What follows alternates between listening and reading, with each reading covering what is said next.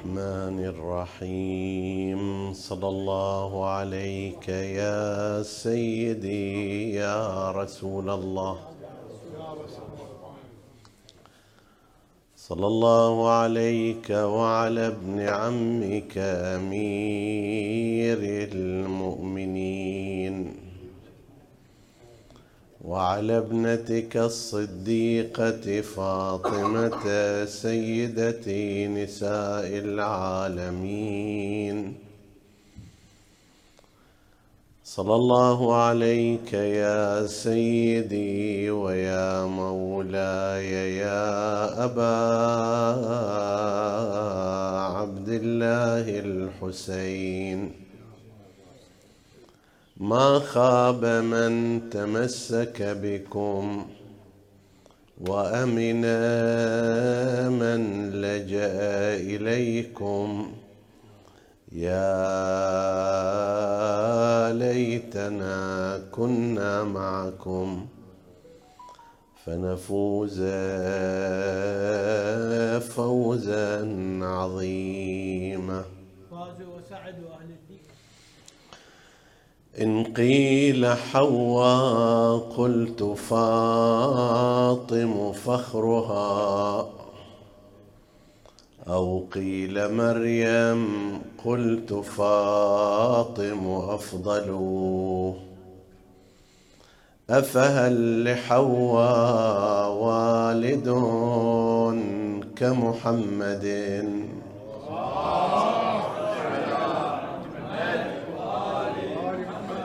أفهل لحواء والد كمحمد؟ أم هل لمريم مثل فاطم أشبل؟ كل لها حال الولادة ساعة فيها قلوب ذوي النباهة تذهل هذه لنخلتها التجت فتساقطت رطبا جنيا فهي منه تأكل. ولدت بعيسى وهي غير مروعة. أنا وحارسها السري الأبسل وإلى الجدار وصفحة الباب التجت بنت النبي. وإلى الجدار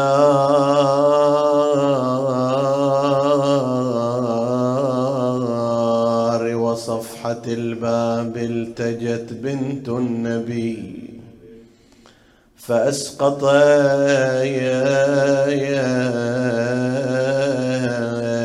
ما تحمل سقطت وأسقطت الجنين وخلفها.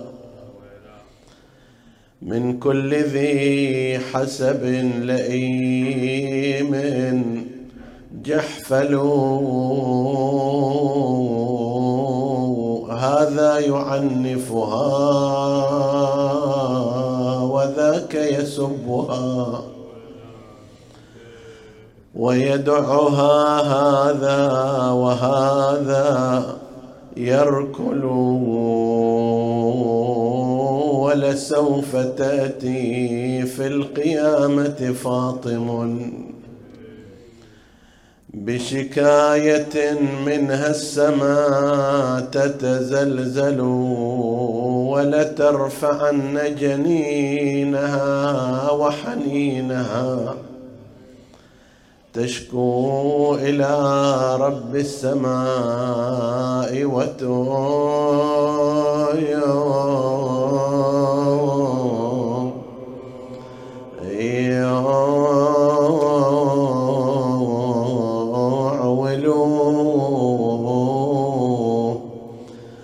رباه رباه ميراثي.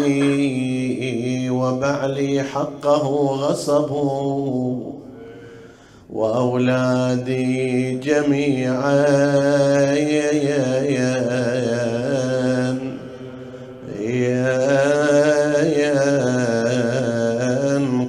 قتلوا لكنما الأمر لله.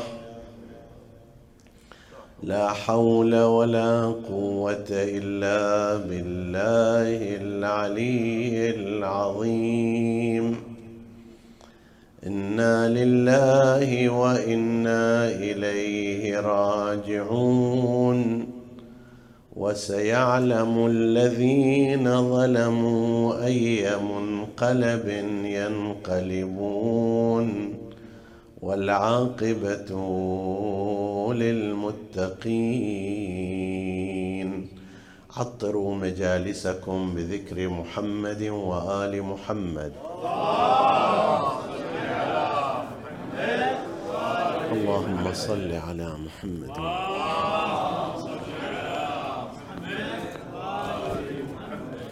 اللهم صل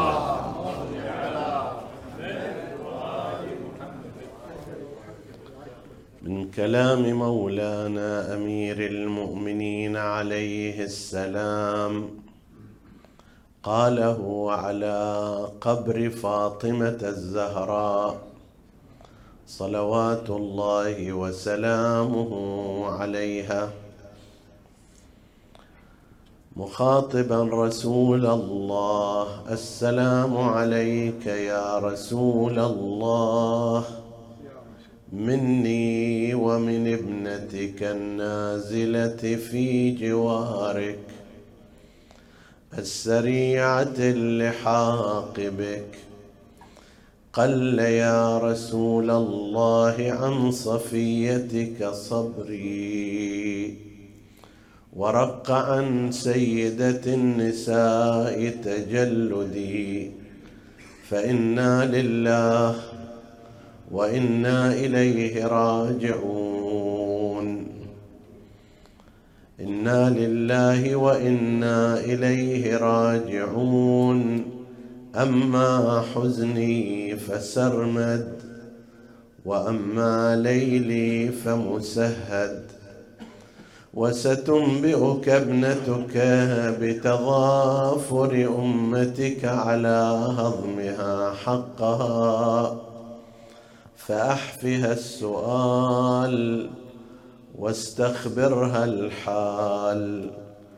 فكم من غليل معتلج في صدرها لم تجد إلى بثه سبيلا. صدق سيدنا ومولانا أمير المؤمنين صلوات الله وسلامه عليه. هذه الفقرة نقلت في كثير من المصادر من كلام أمير المؤمنين عليه السلام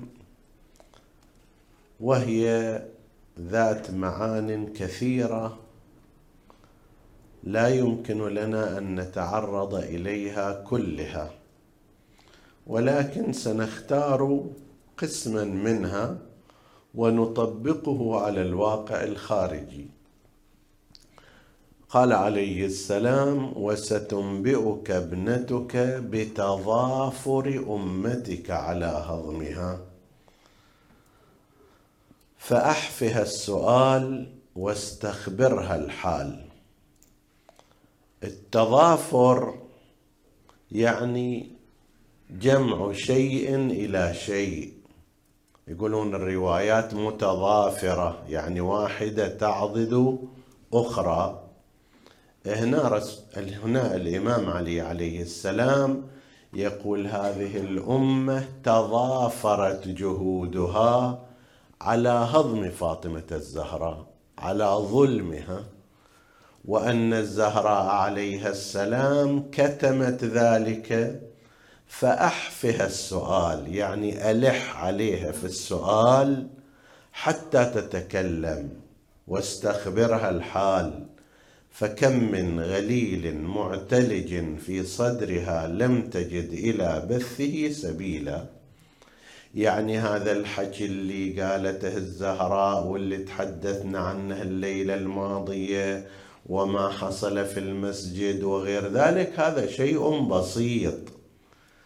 الشيء اللي موجود معتلج في قلبها متمكن في قلبها هذا شيء أكثر من هذا بس هي كتومة ما راح تتحدث. لذلك أحفها السؤال استخبرها الحال حسب تعبير المعاصرين اضغط عليها حتى تتكلم.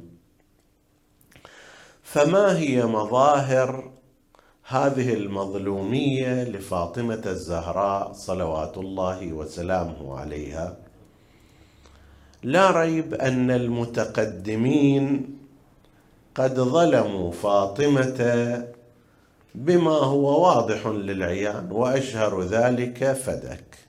وفدك قرية كاملة. ترى فدك مو مثلا بستان كذا لا قرية كاملة الآن محافظة الآن فعلا هي محافظة تسمى محافظة الحائط في البلاد السعودية وتبعد حوالي 140 كيلو متر عن المدينة المنورة. محافظة باسم محافظة الحائط.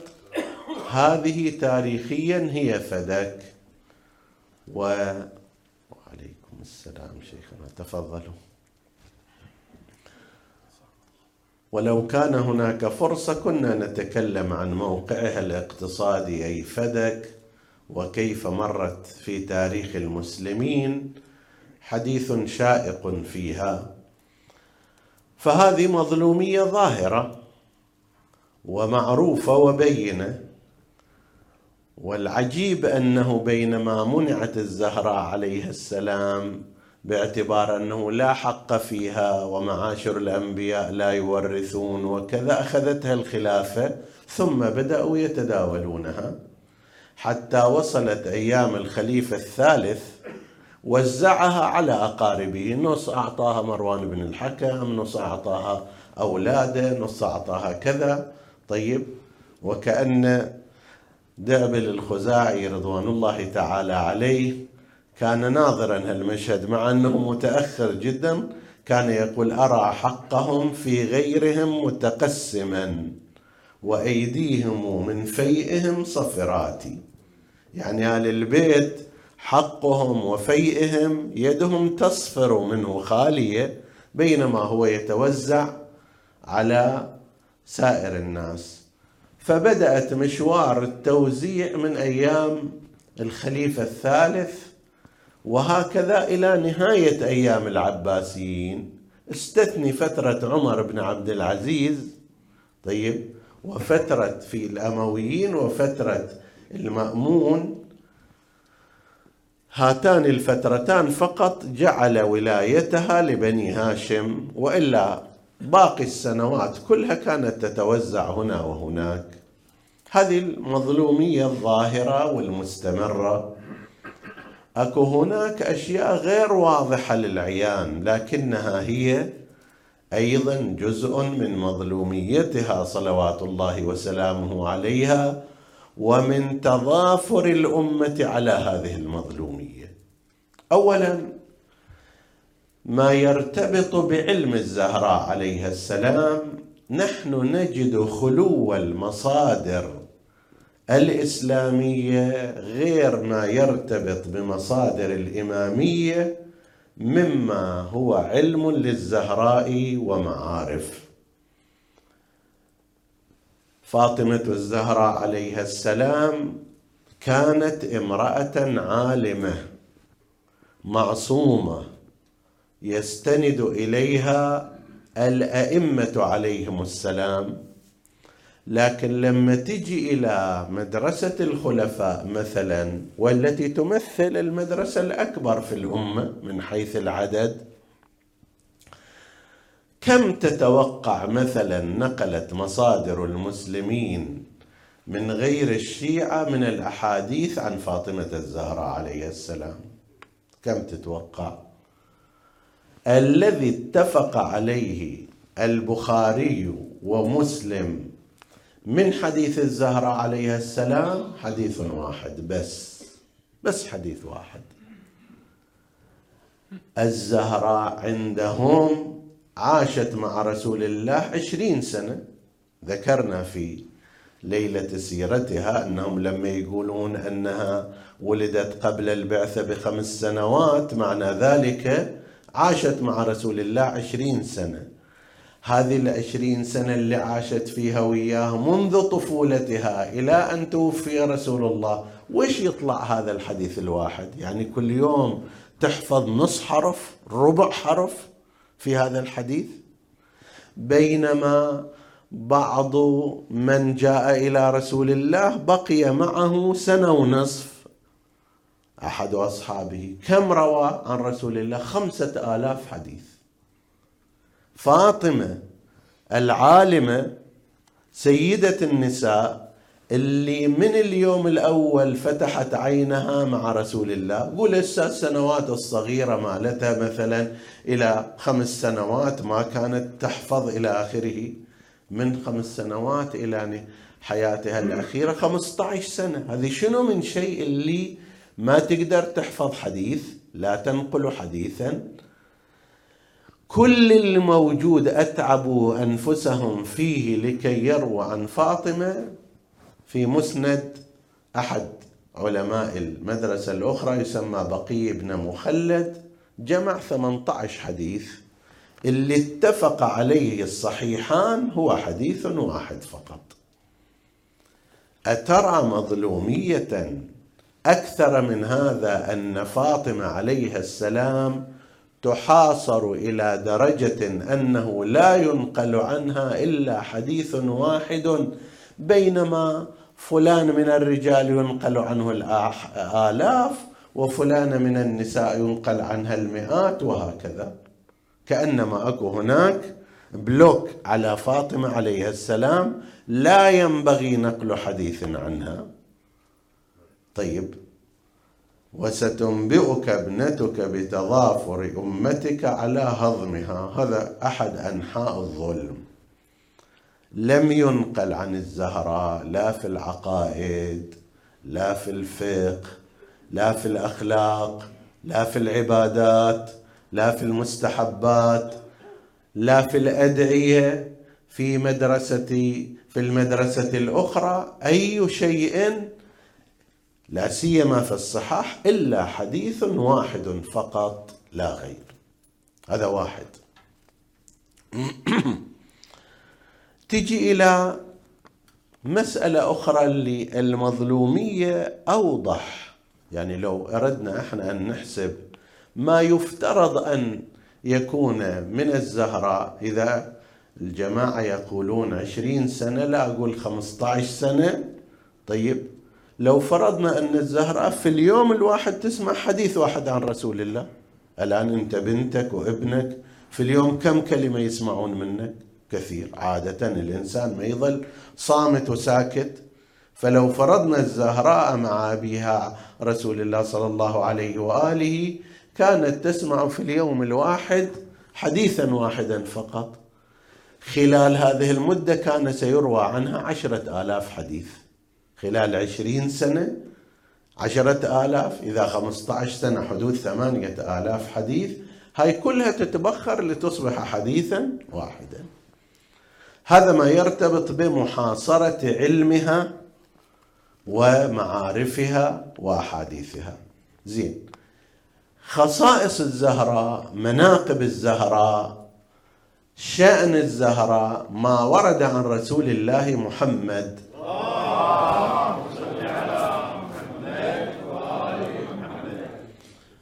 في شأنها وهو كثير جدا يعني هذه المرأة التي هي سيدة نساء العالمين من الأولين والآخرين.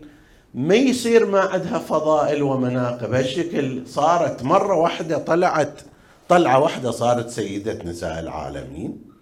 لازم يكون عندها سيرة لازم يكون عندها أخلاق لازم يكون عندها عبادة لازم يكون عندها علم لازم يكون كذا كذا. طيب الآن أنت لما يقال فلان أو فلانة مثلا أكبر دكتور في البلد هذا الأكبر دكتور عنده حجم كبير من العلم تدرج في المناصب صفات غير ذلك. الزهراء عليها السلام لها مناقب لها فضائل لها شأن كبير. أين هذا؟ تعال شوفوا شلون تمت محاصرة هذه المناقب. أولا قسم منها حذفت حذف اسم الزهراء عليه السلام. هذا مثلا حديث كمل من الرجال كثير وكمل من النساء أربع. خديجة بنت خويلد فاطمة بنت محمد.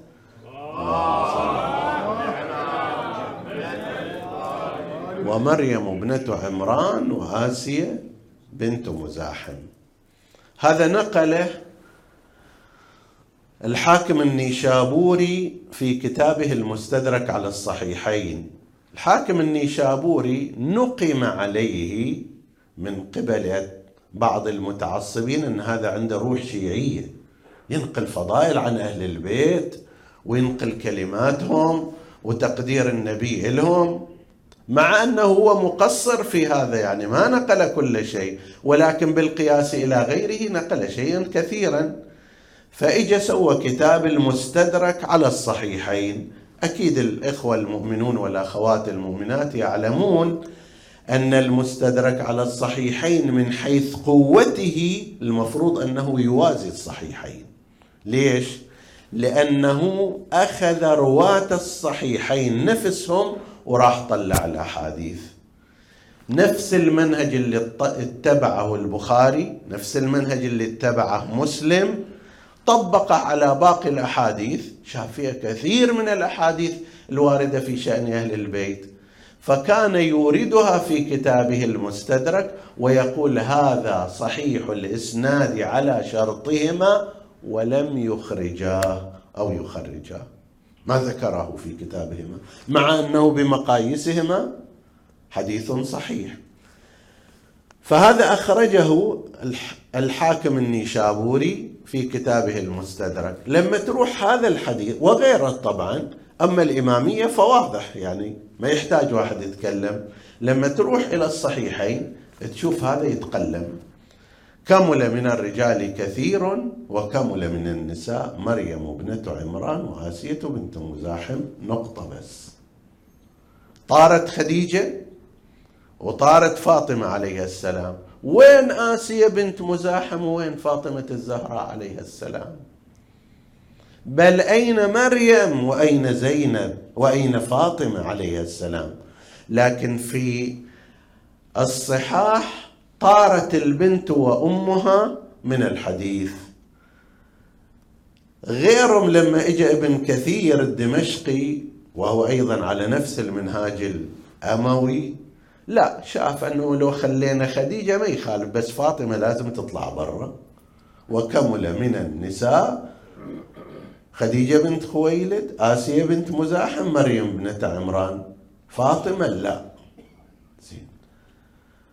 ما الذي يضر هؤلاء أن يكون الحديث كما صدر عن رسول الله صلى الله عليه وآله فيه ذكر فاطمة وأنا ما أتعجب يعني ألم يفكر هؤلاء؟ أن سيدة النساء العالمين من الأولين والآخرين ينبغي أن تكون كاملة لو لا كاملة العقل كاملة الإدراك. شلون مثلا آسيا صارت كاملة في عقلها وإدراكها وتفكيرها وهي ليست سيدة النساء؟ لكن فاطمة التي هي سيدة نساء العالمين لا تكون جزءا من الكاملات. طيب. وعلى هالمعدل كثير من الروايات. أنا فقط أشير إلى ذلك إشارات. طيب. في مقابل هذا في مقابل هذا اثبتوا أحاديث عجيبة وغريبة. واضح عليها الوضع واضح عليها عدم قول الرسول لها. مثلا يعني من هناك يشخط على فضائلها ومنها الصوب يضيف أحاديث فيها شيء من التوهين للزهراء عليه السلام. قالوا لما نزلت آية الإنذار وأنذر عشيرتك الأقربين دعا رسول الله من بني هاشم كذا وكذا وكذا ثم قال لهم يا بني عبد المطلب أعملوا لأنفسكم لا أملك لكم من الله شيئا. يا فاطمة أنقذي نفسك من النار. حسا يعني ما هي المناسبة؟ هذا مثل واحد على شفا النار قاعد يوقع تقول له دير بالك لا توقع في النار. دا يصيبه الخطر تقول له دير بالك. هؤلاء نسوا ما يذكرونه طيب خلنا نروح ويا العيار إلى باب بيته حسب التعبير لنفترض هذا الحديث صحيح. كم كان عمر فاطمة ذاك الوقت؟ أول ما أنذر رسول الله قومه أول سنة نزلت آية الإنذار. طيب. زين. هذه يعني فاطمة على رأيكم عمرها ست سنوات. على رأيكم. على رأينا أصلا لم تولد إلى ذاك الوقت. على رأي الإمامية والأئمة لم تولد بعد وإنما ولدت بعد خمس سنوات من البعثة. لا لنفترض نصدق كلامكم أيضا. ولدت قبل خمس سنوات من البعثة الآن صار زمان البعثة نزلت آية الإنذار. أول سنة نزلت زين. كم عمر فاطمة ذاك الوقت؟ خمس سنوات ست سنوات. أصلا مو مكلفة من الناحية الشرعية. المرأة لا تكلف من الناحية الشرعية إلا بعد إكمال تسع سنوات. فلا معنى لأن يأتي ويقول لها أنقذي نفسك من النار. هذا كلام لواحد اللي مكلف وقاعد يقصر في أداء واجباته فيحذر من ذلك. لكن هو هذا المقصود منه أبعاد هذا الحديث المزعوم والمكذوب. فإنه إما أصلا ما كانت الزهراء مولودة وهو الصحيح عندنا أو على فرض كلامهم كانت عمرها بالكثير ست سنوات وهي غير مكلفة شرعا أصلا حتى تعمل أو لا تعمل أو تروح النار أو تروح الجنة وعلى هالمعدل أبناؤنا في كثير من البلاد الإسلامية ماذا يدرسون؟ ما يسمعون عن فاطمة إلا شنو لو أن فاطمة بنت رسول الله سرقت لقطعت يدها. زين. الآن أنتم كل هالأحاديث في فضائلها وفي كراماتها وفي مناقبها كلها ما مرت على خاطركم. مر على خاطركم بس هذا الحديث غير الصحيح لو أن فاطمة سرقت لقطعت يدها. ولازم يتعلموه الأولاد من السنوات الابتدائية حتى يبقى ثابت في دينهم أنه لو أن فاطمة يعني ممكن أن تسرق فاطمة وإذا سرقت الرسول يقطعها. طيب. وعلى هذا المعدل أنت تجد قسم من الفضائل تنكر كحديث كمل من الرجال وكمل من النساء.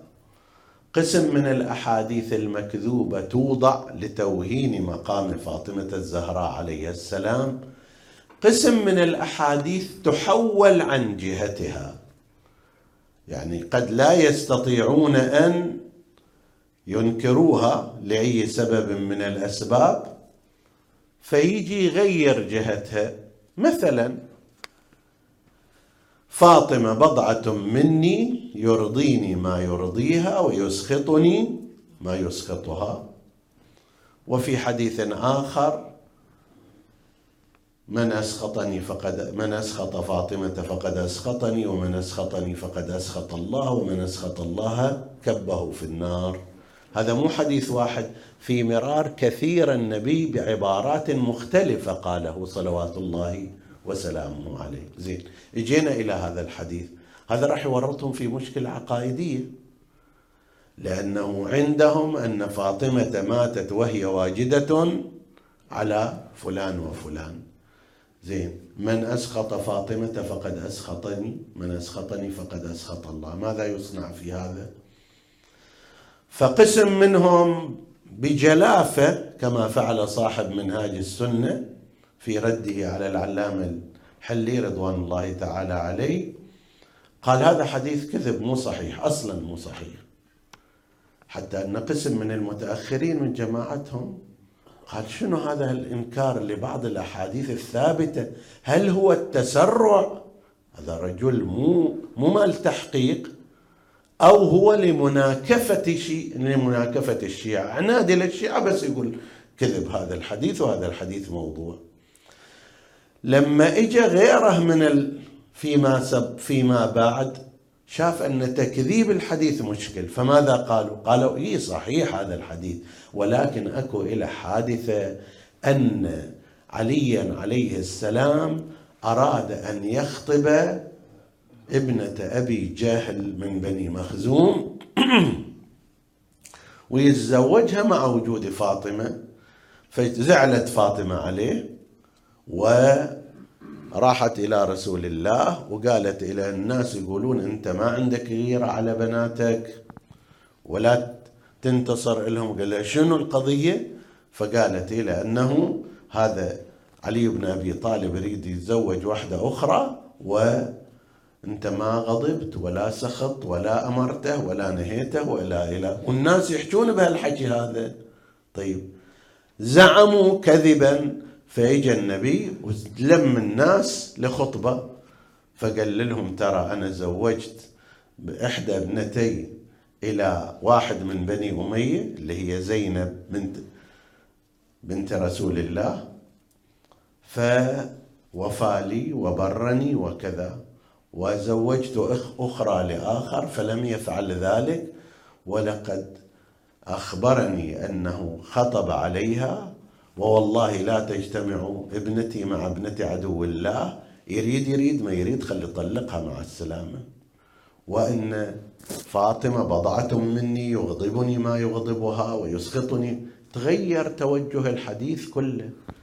أصل القضية قضية كاذبة باطلة. الذي روى هذا الحديث رجل معروف بعدائه لعلي بن أبي طالب وموالاته لمعاوية بن أبي سفيان حتى قالوا كان المسور ابن مخرمة وهو راوي الحديث إذا سمع اسم معاوية أرسل الصلاة عليه بدل ما يصلي على رسول الله صلى الله عليه وآله يصلي على معاوية بن أبي سفيان.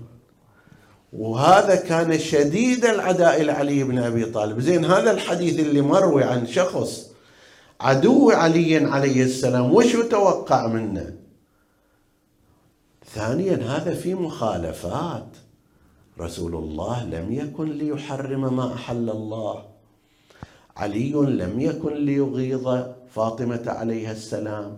فاطمة لم تكن لتغتاظ من حكم شرعي لو كان حقيقيا وهو غير حقيقي.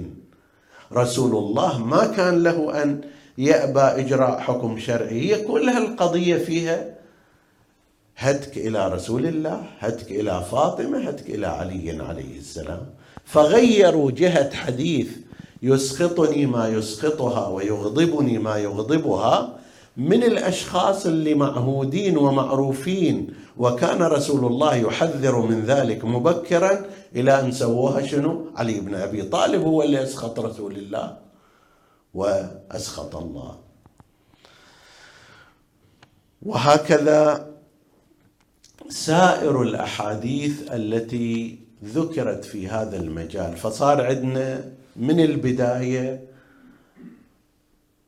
محاربة لعلمها استثناء لفضلها وفقاهتها وحديثها وعدم نقل شيء عنها إلا حديثا واحدا في هذه الحياة الحافلة بالفضائل.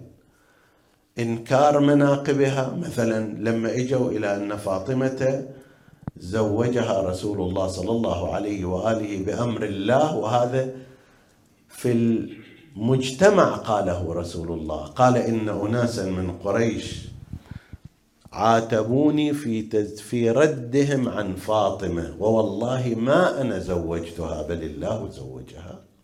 مو هذا من عندي أنا. طيب ذلاك راحوا وحكوا وتكلموا. فقال إن القضية مو مربوطة بي أنا القضية مربوطة بالله عز وجل. فهذا أنكر أصلا قالوا هذا حديث غير صحيح والرسول قال لا أنا رديت فلان أو فلان لأنها صغيرة. صغيرة السن زين شلون صارت؟ صغيرة عليهم مو صغيرة على علي بن أبي طالب. إذا صغيرة مو مالت زواج فلا على علي ولا على غيره. بس هذا أيضا من التزوير لفضائلها صلوات الله وسلامه عليها ومناقبها. وهكذا الحال في كثير من القضايا التي ترتبط بأحاديث سواء منها أو عنها صلوات الله وسلامه عليها تضافرت الأمة على أن تلغي هذا الوجود. الا تستفيد من هذا الا تنتفع من هذا. أبناؤها اللي رسول الله وقبله القرآن ينسبهم إلى رسول الله صلى الله عليه وآله فقل تعالوا ندعو أبناءنا وأبناءكم ونساءنا ونساءكم وأنفسنا وأنفسكم. صارت معركة في الأمة. هم أيام الأمويين وهم أيام العباسيين. على شنو؟ على أنه هذول مو أولاد رسول الله. إلى درجة التهديد بالقتل. قضية يحيى بن مع... يحيى بن يعمر العدواني مع الحجاج الثقفي مشهورة. كان هذا وهو محدث. يحيى بن يأمر كان يحدث في البصرة. بأن الحسن والحسين ابن رسول الله بمقتضى آية المباهلة. فاستدعاه الحجاج من البصرة إلى الكوفة. ليش تقول أن الحسن والحسين أبناء رسول الله صلى الله عليه وآله؟ ولا تجيب إلي سالفة وأبناءنا وأبناءكم ها؟ طيب إذا ما تجيب لي إياها من القرآن سقيت الأرض من دمك. الآن أنت تسأل ما الذي يضر الحجاج بعد وفاة رسول الله صلى الله عليه وآله بنحو سبعين سنة؟ وهو الأمير وهو الحاكم. شو يضر إذا واحد محدث قال ترى الحسن والحسين أبناء رسول الله ينقص من ملكه شيء؟ ما ينقص من ملكه شيء لكن خاضوا معركة في ذلك. فجاء بآيات التي تنسب عيسى إلى إبراهيم. قال له وين النسب بين عيسى وإبراهيم؟ عيسى أصلا ما عنده أب والفاصلة الزمنية الكبيرة ذاك بدون أب وإنما جاء من أمه. ما عنده أب؟ هذا على الأقل الحسن والحسين كان لهما أب وابنة رسول الله أمهما وما يوجد فاصلة أصلا. فهناك قال القرآن الكريم نسب عيسى إليه مع بعد الفاصلة ومع عدم وجود أب له باعتبار خلقة الله إياه, إياه كانت هكذا. وقال هذا ابنه بينما أنت ترفض أن يكون الحسن والحسين أبناء رسول الله. ونفس الكلام في زمان العباسيين أيضا. واحد يقال له علي الجهضمي في زمان المتوكل العباسي. أيضا كان يحدث في فضل الحسنين فذكر أنها أنهما أبناء رسول الله صلى الله عليه وآله. فأمر المتوكل العباسي بأن يجلد ألف صوت. ألف صوت. ليش؟ كيف يقول هذا أن الحسن والحسين أبناء رسول الله؟ ماذا يضرك أن يكون الحسن والحسين أبناء رسول الله وبينك وبينهما؟ مئات السنين.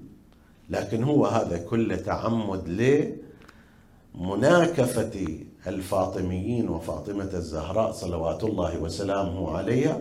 وإلى يومك هذا النظر إلى فاطمة متأثر بهذه المصادر وبهذه الطريقة وبهذا الأسلوب. طيب. وستنبئك ابنتك بتضافر أمتك على هضمها فاستخبرها الحال فأحفها السؤال واستخبرها الحال فكم من غليل معتلج في صدرها لم تجد إلى بثه سبيلا. ويا ليت فقط أن الأمر كان اكتفى ب هل إنكارات كذا وإنما عدوا على أبناء الزهراء عليها السلام. وهم أبناء رسول الله والمرء يحفظ في ولده. إذا مو علشان نفس الأشخاص لأجل رسول الله ولأجل أمهم بنت رسول الله صلى الله عليه وآله.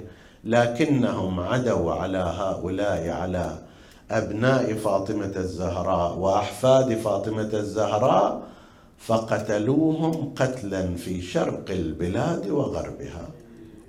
انت الان تشوف بلدهم الأصلي هو المدينة لكن أين مقابرهم؟ وأين مشاهدهم؟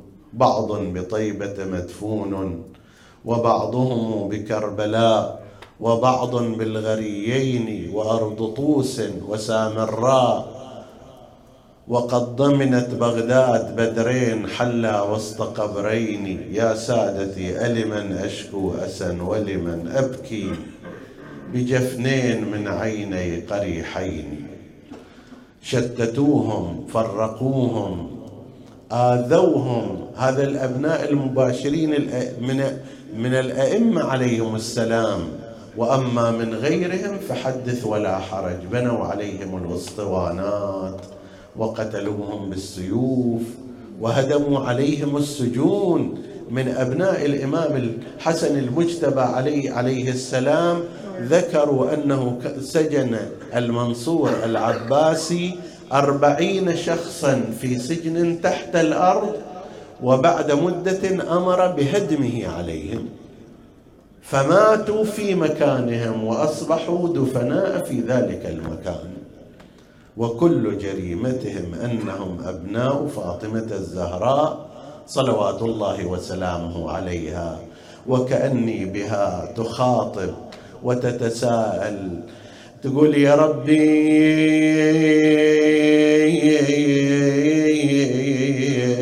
أولادي وش جرمهم؟ وش جرمهم؟ واحد تعمدهم وسمهم. واحد يا ويلي سفك دمهم أنا بكل بلدة وكل وادي من أولادي بدر غاب. ذاب قلبي من مصايبهم ومن الراس شاب كل صباح وكل مسيه ينفقد مني ولد شتتوهم بالفيافي. لا يآون ببلد خالية منهم منازلهم ولا منهم أحد. بس حرم واطفال يبجون من عظم المصاب بعض عندي بالمدينة وبعضها مو بالقرور. بعض حصل لهم مواري وبعض ما حصلوا قبور. كم جسد بالطف عاري وراس بخط يدو سيدتي هذه مصائبك وهؤلاء أبناؤك لكن ما الذي يشتد عليك؟ ما هي أشد المصائب؟ كأني بها ناديت. أنا كل المصايب هونتها مصيبة حسين أنا رمان الداير في كل المصايب. كأني بها وهي تحضر مجالس ابنها الحسين صلوات الله عليه. ونستشعر حضورها الروحي. نتوسل إلى الله بمواساتها. صلوات الله وسلامه عليها. بأن يستجيب الله لنا دعاءنا بحقها ويتقبل شفاعتها فينا. ونسيت ضلع اللي بصير الباب مكسور. كل المصايب هونتها مصيبة حسين أنا أبكي على أولادي ضحايا بسيف وبسم. وابكي على أبوهم كتيل الابن ملجم وان تسألوني يا خلق عن يا هو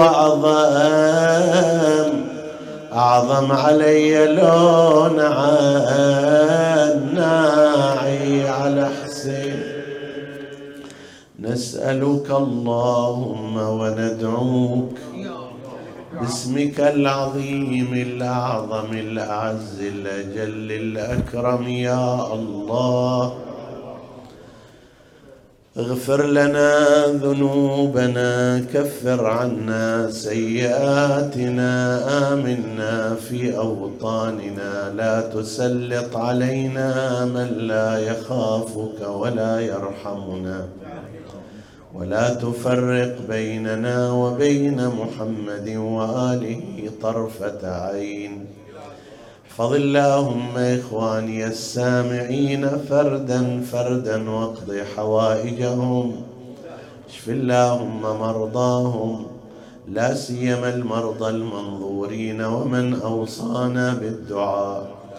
وتقبل اللهم عمل المؤسسين بأحسن القبول.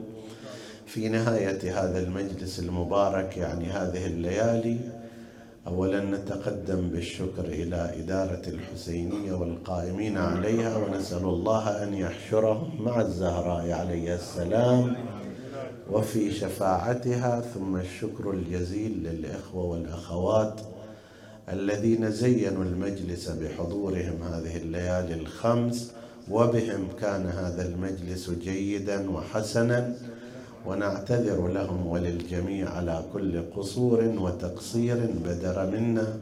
ونسأل الله أن يكمل لنا ذلك ثوابا وفضلا إنه على كل شيء قدير. إلى أرواح موتى المؤسسين والسامعين نهدي ثواب الفاتحة. تسبقها الصلوات.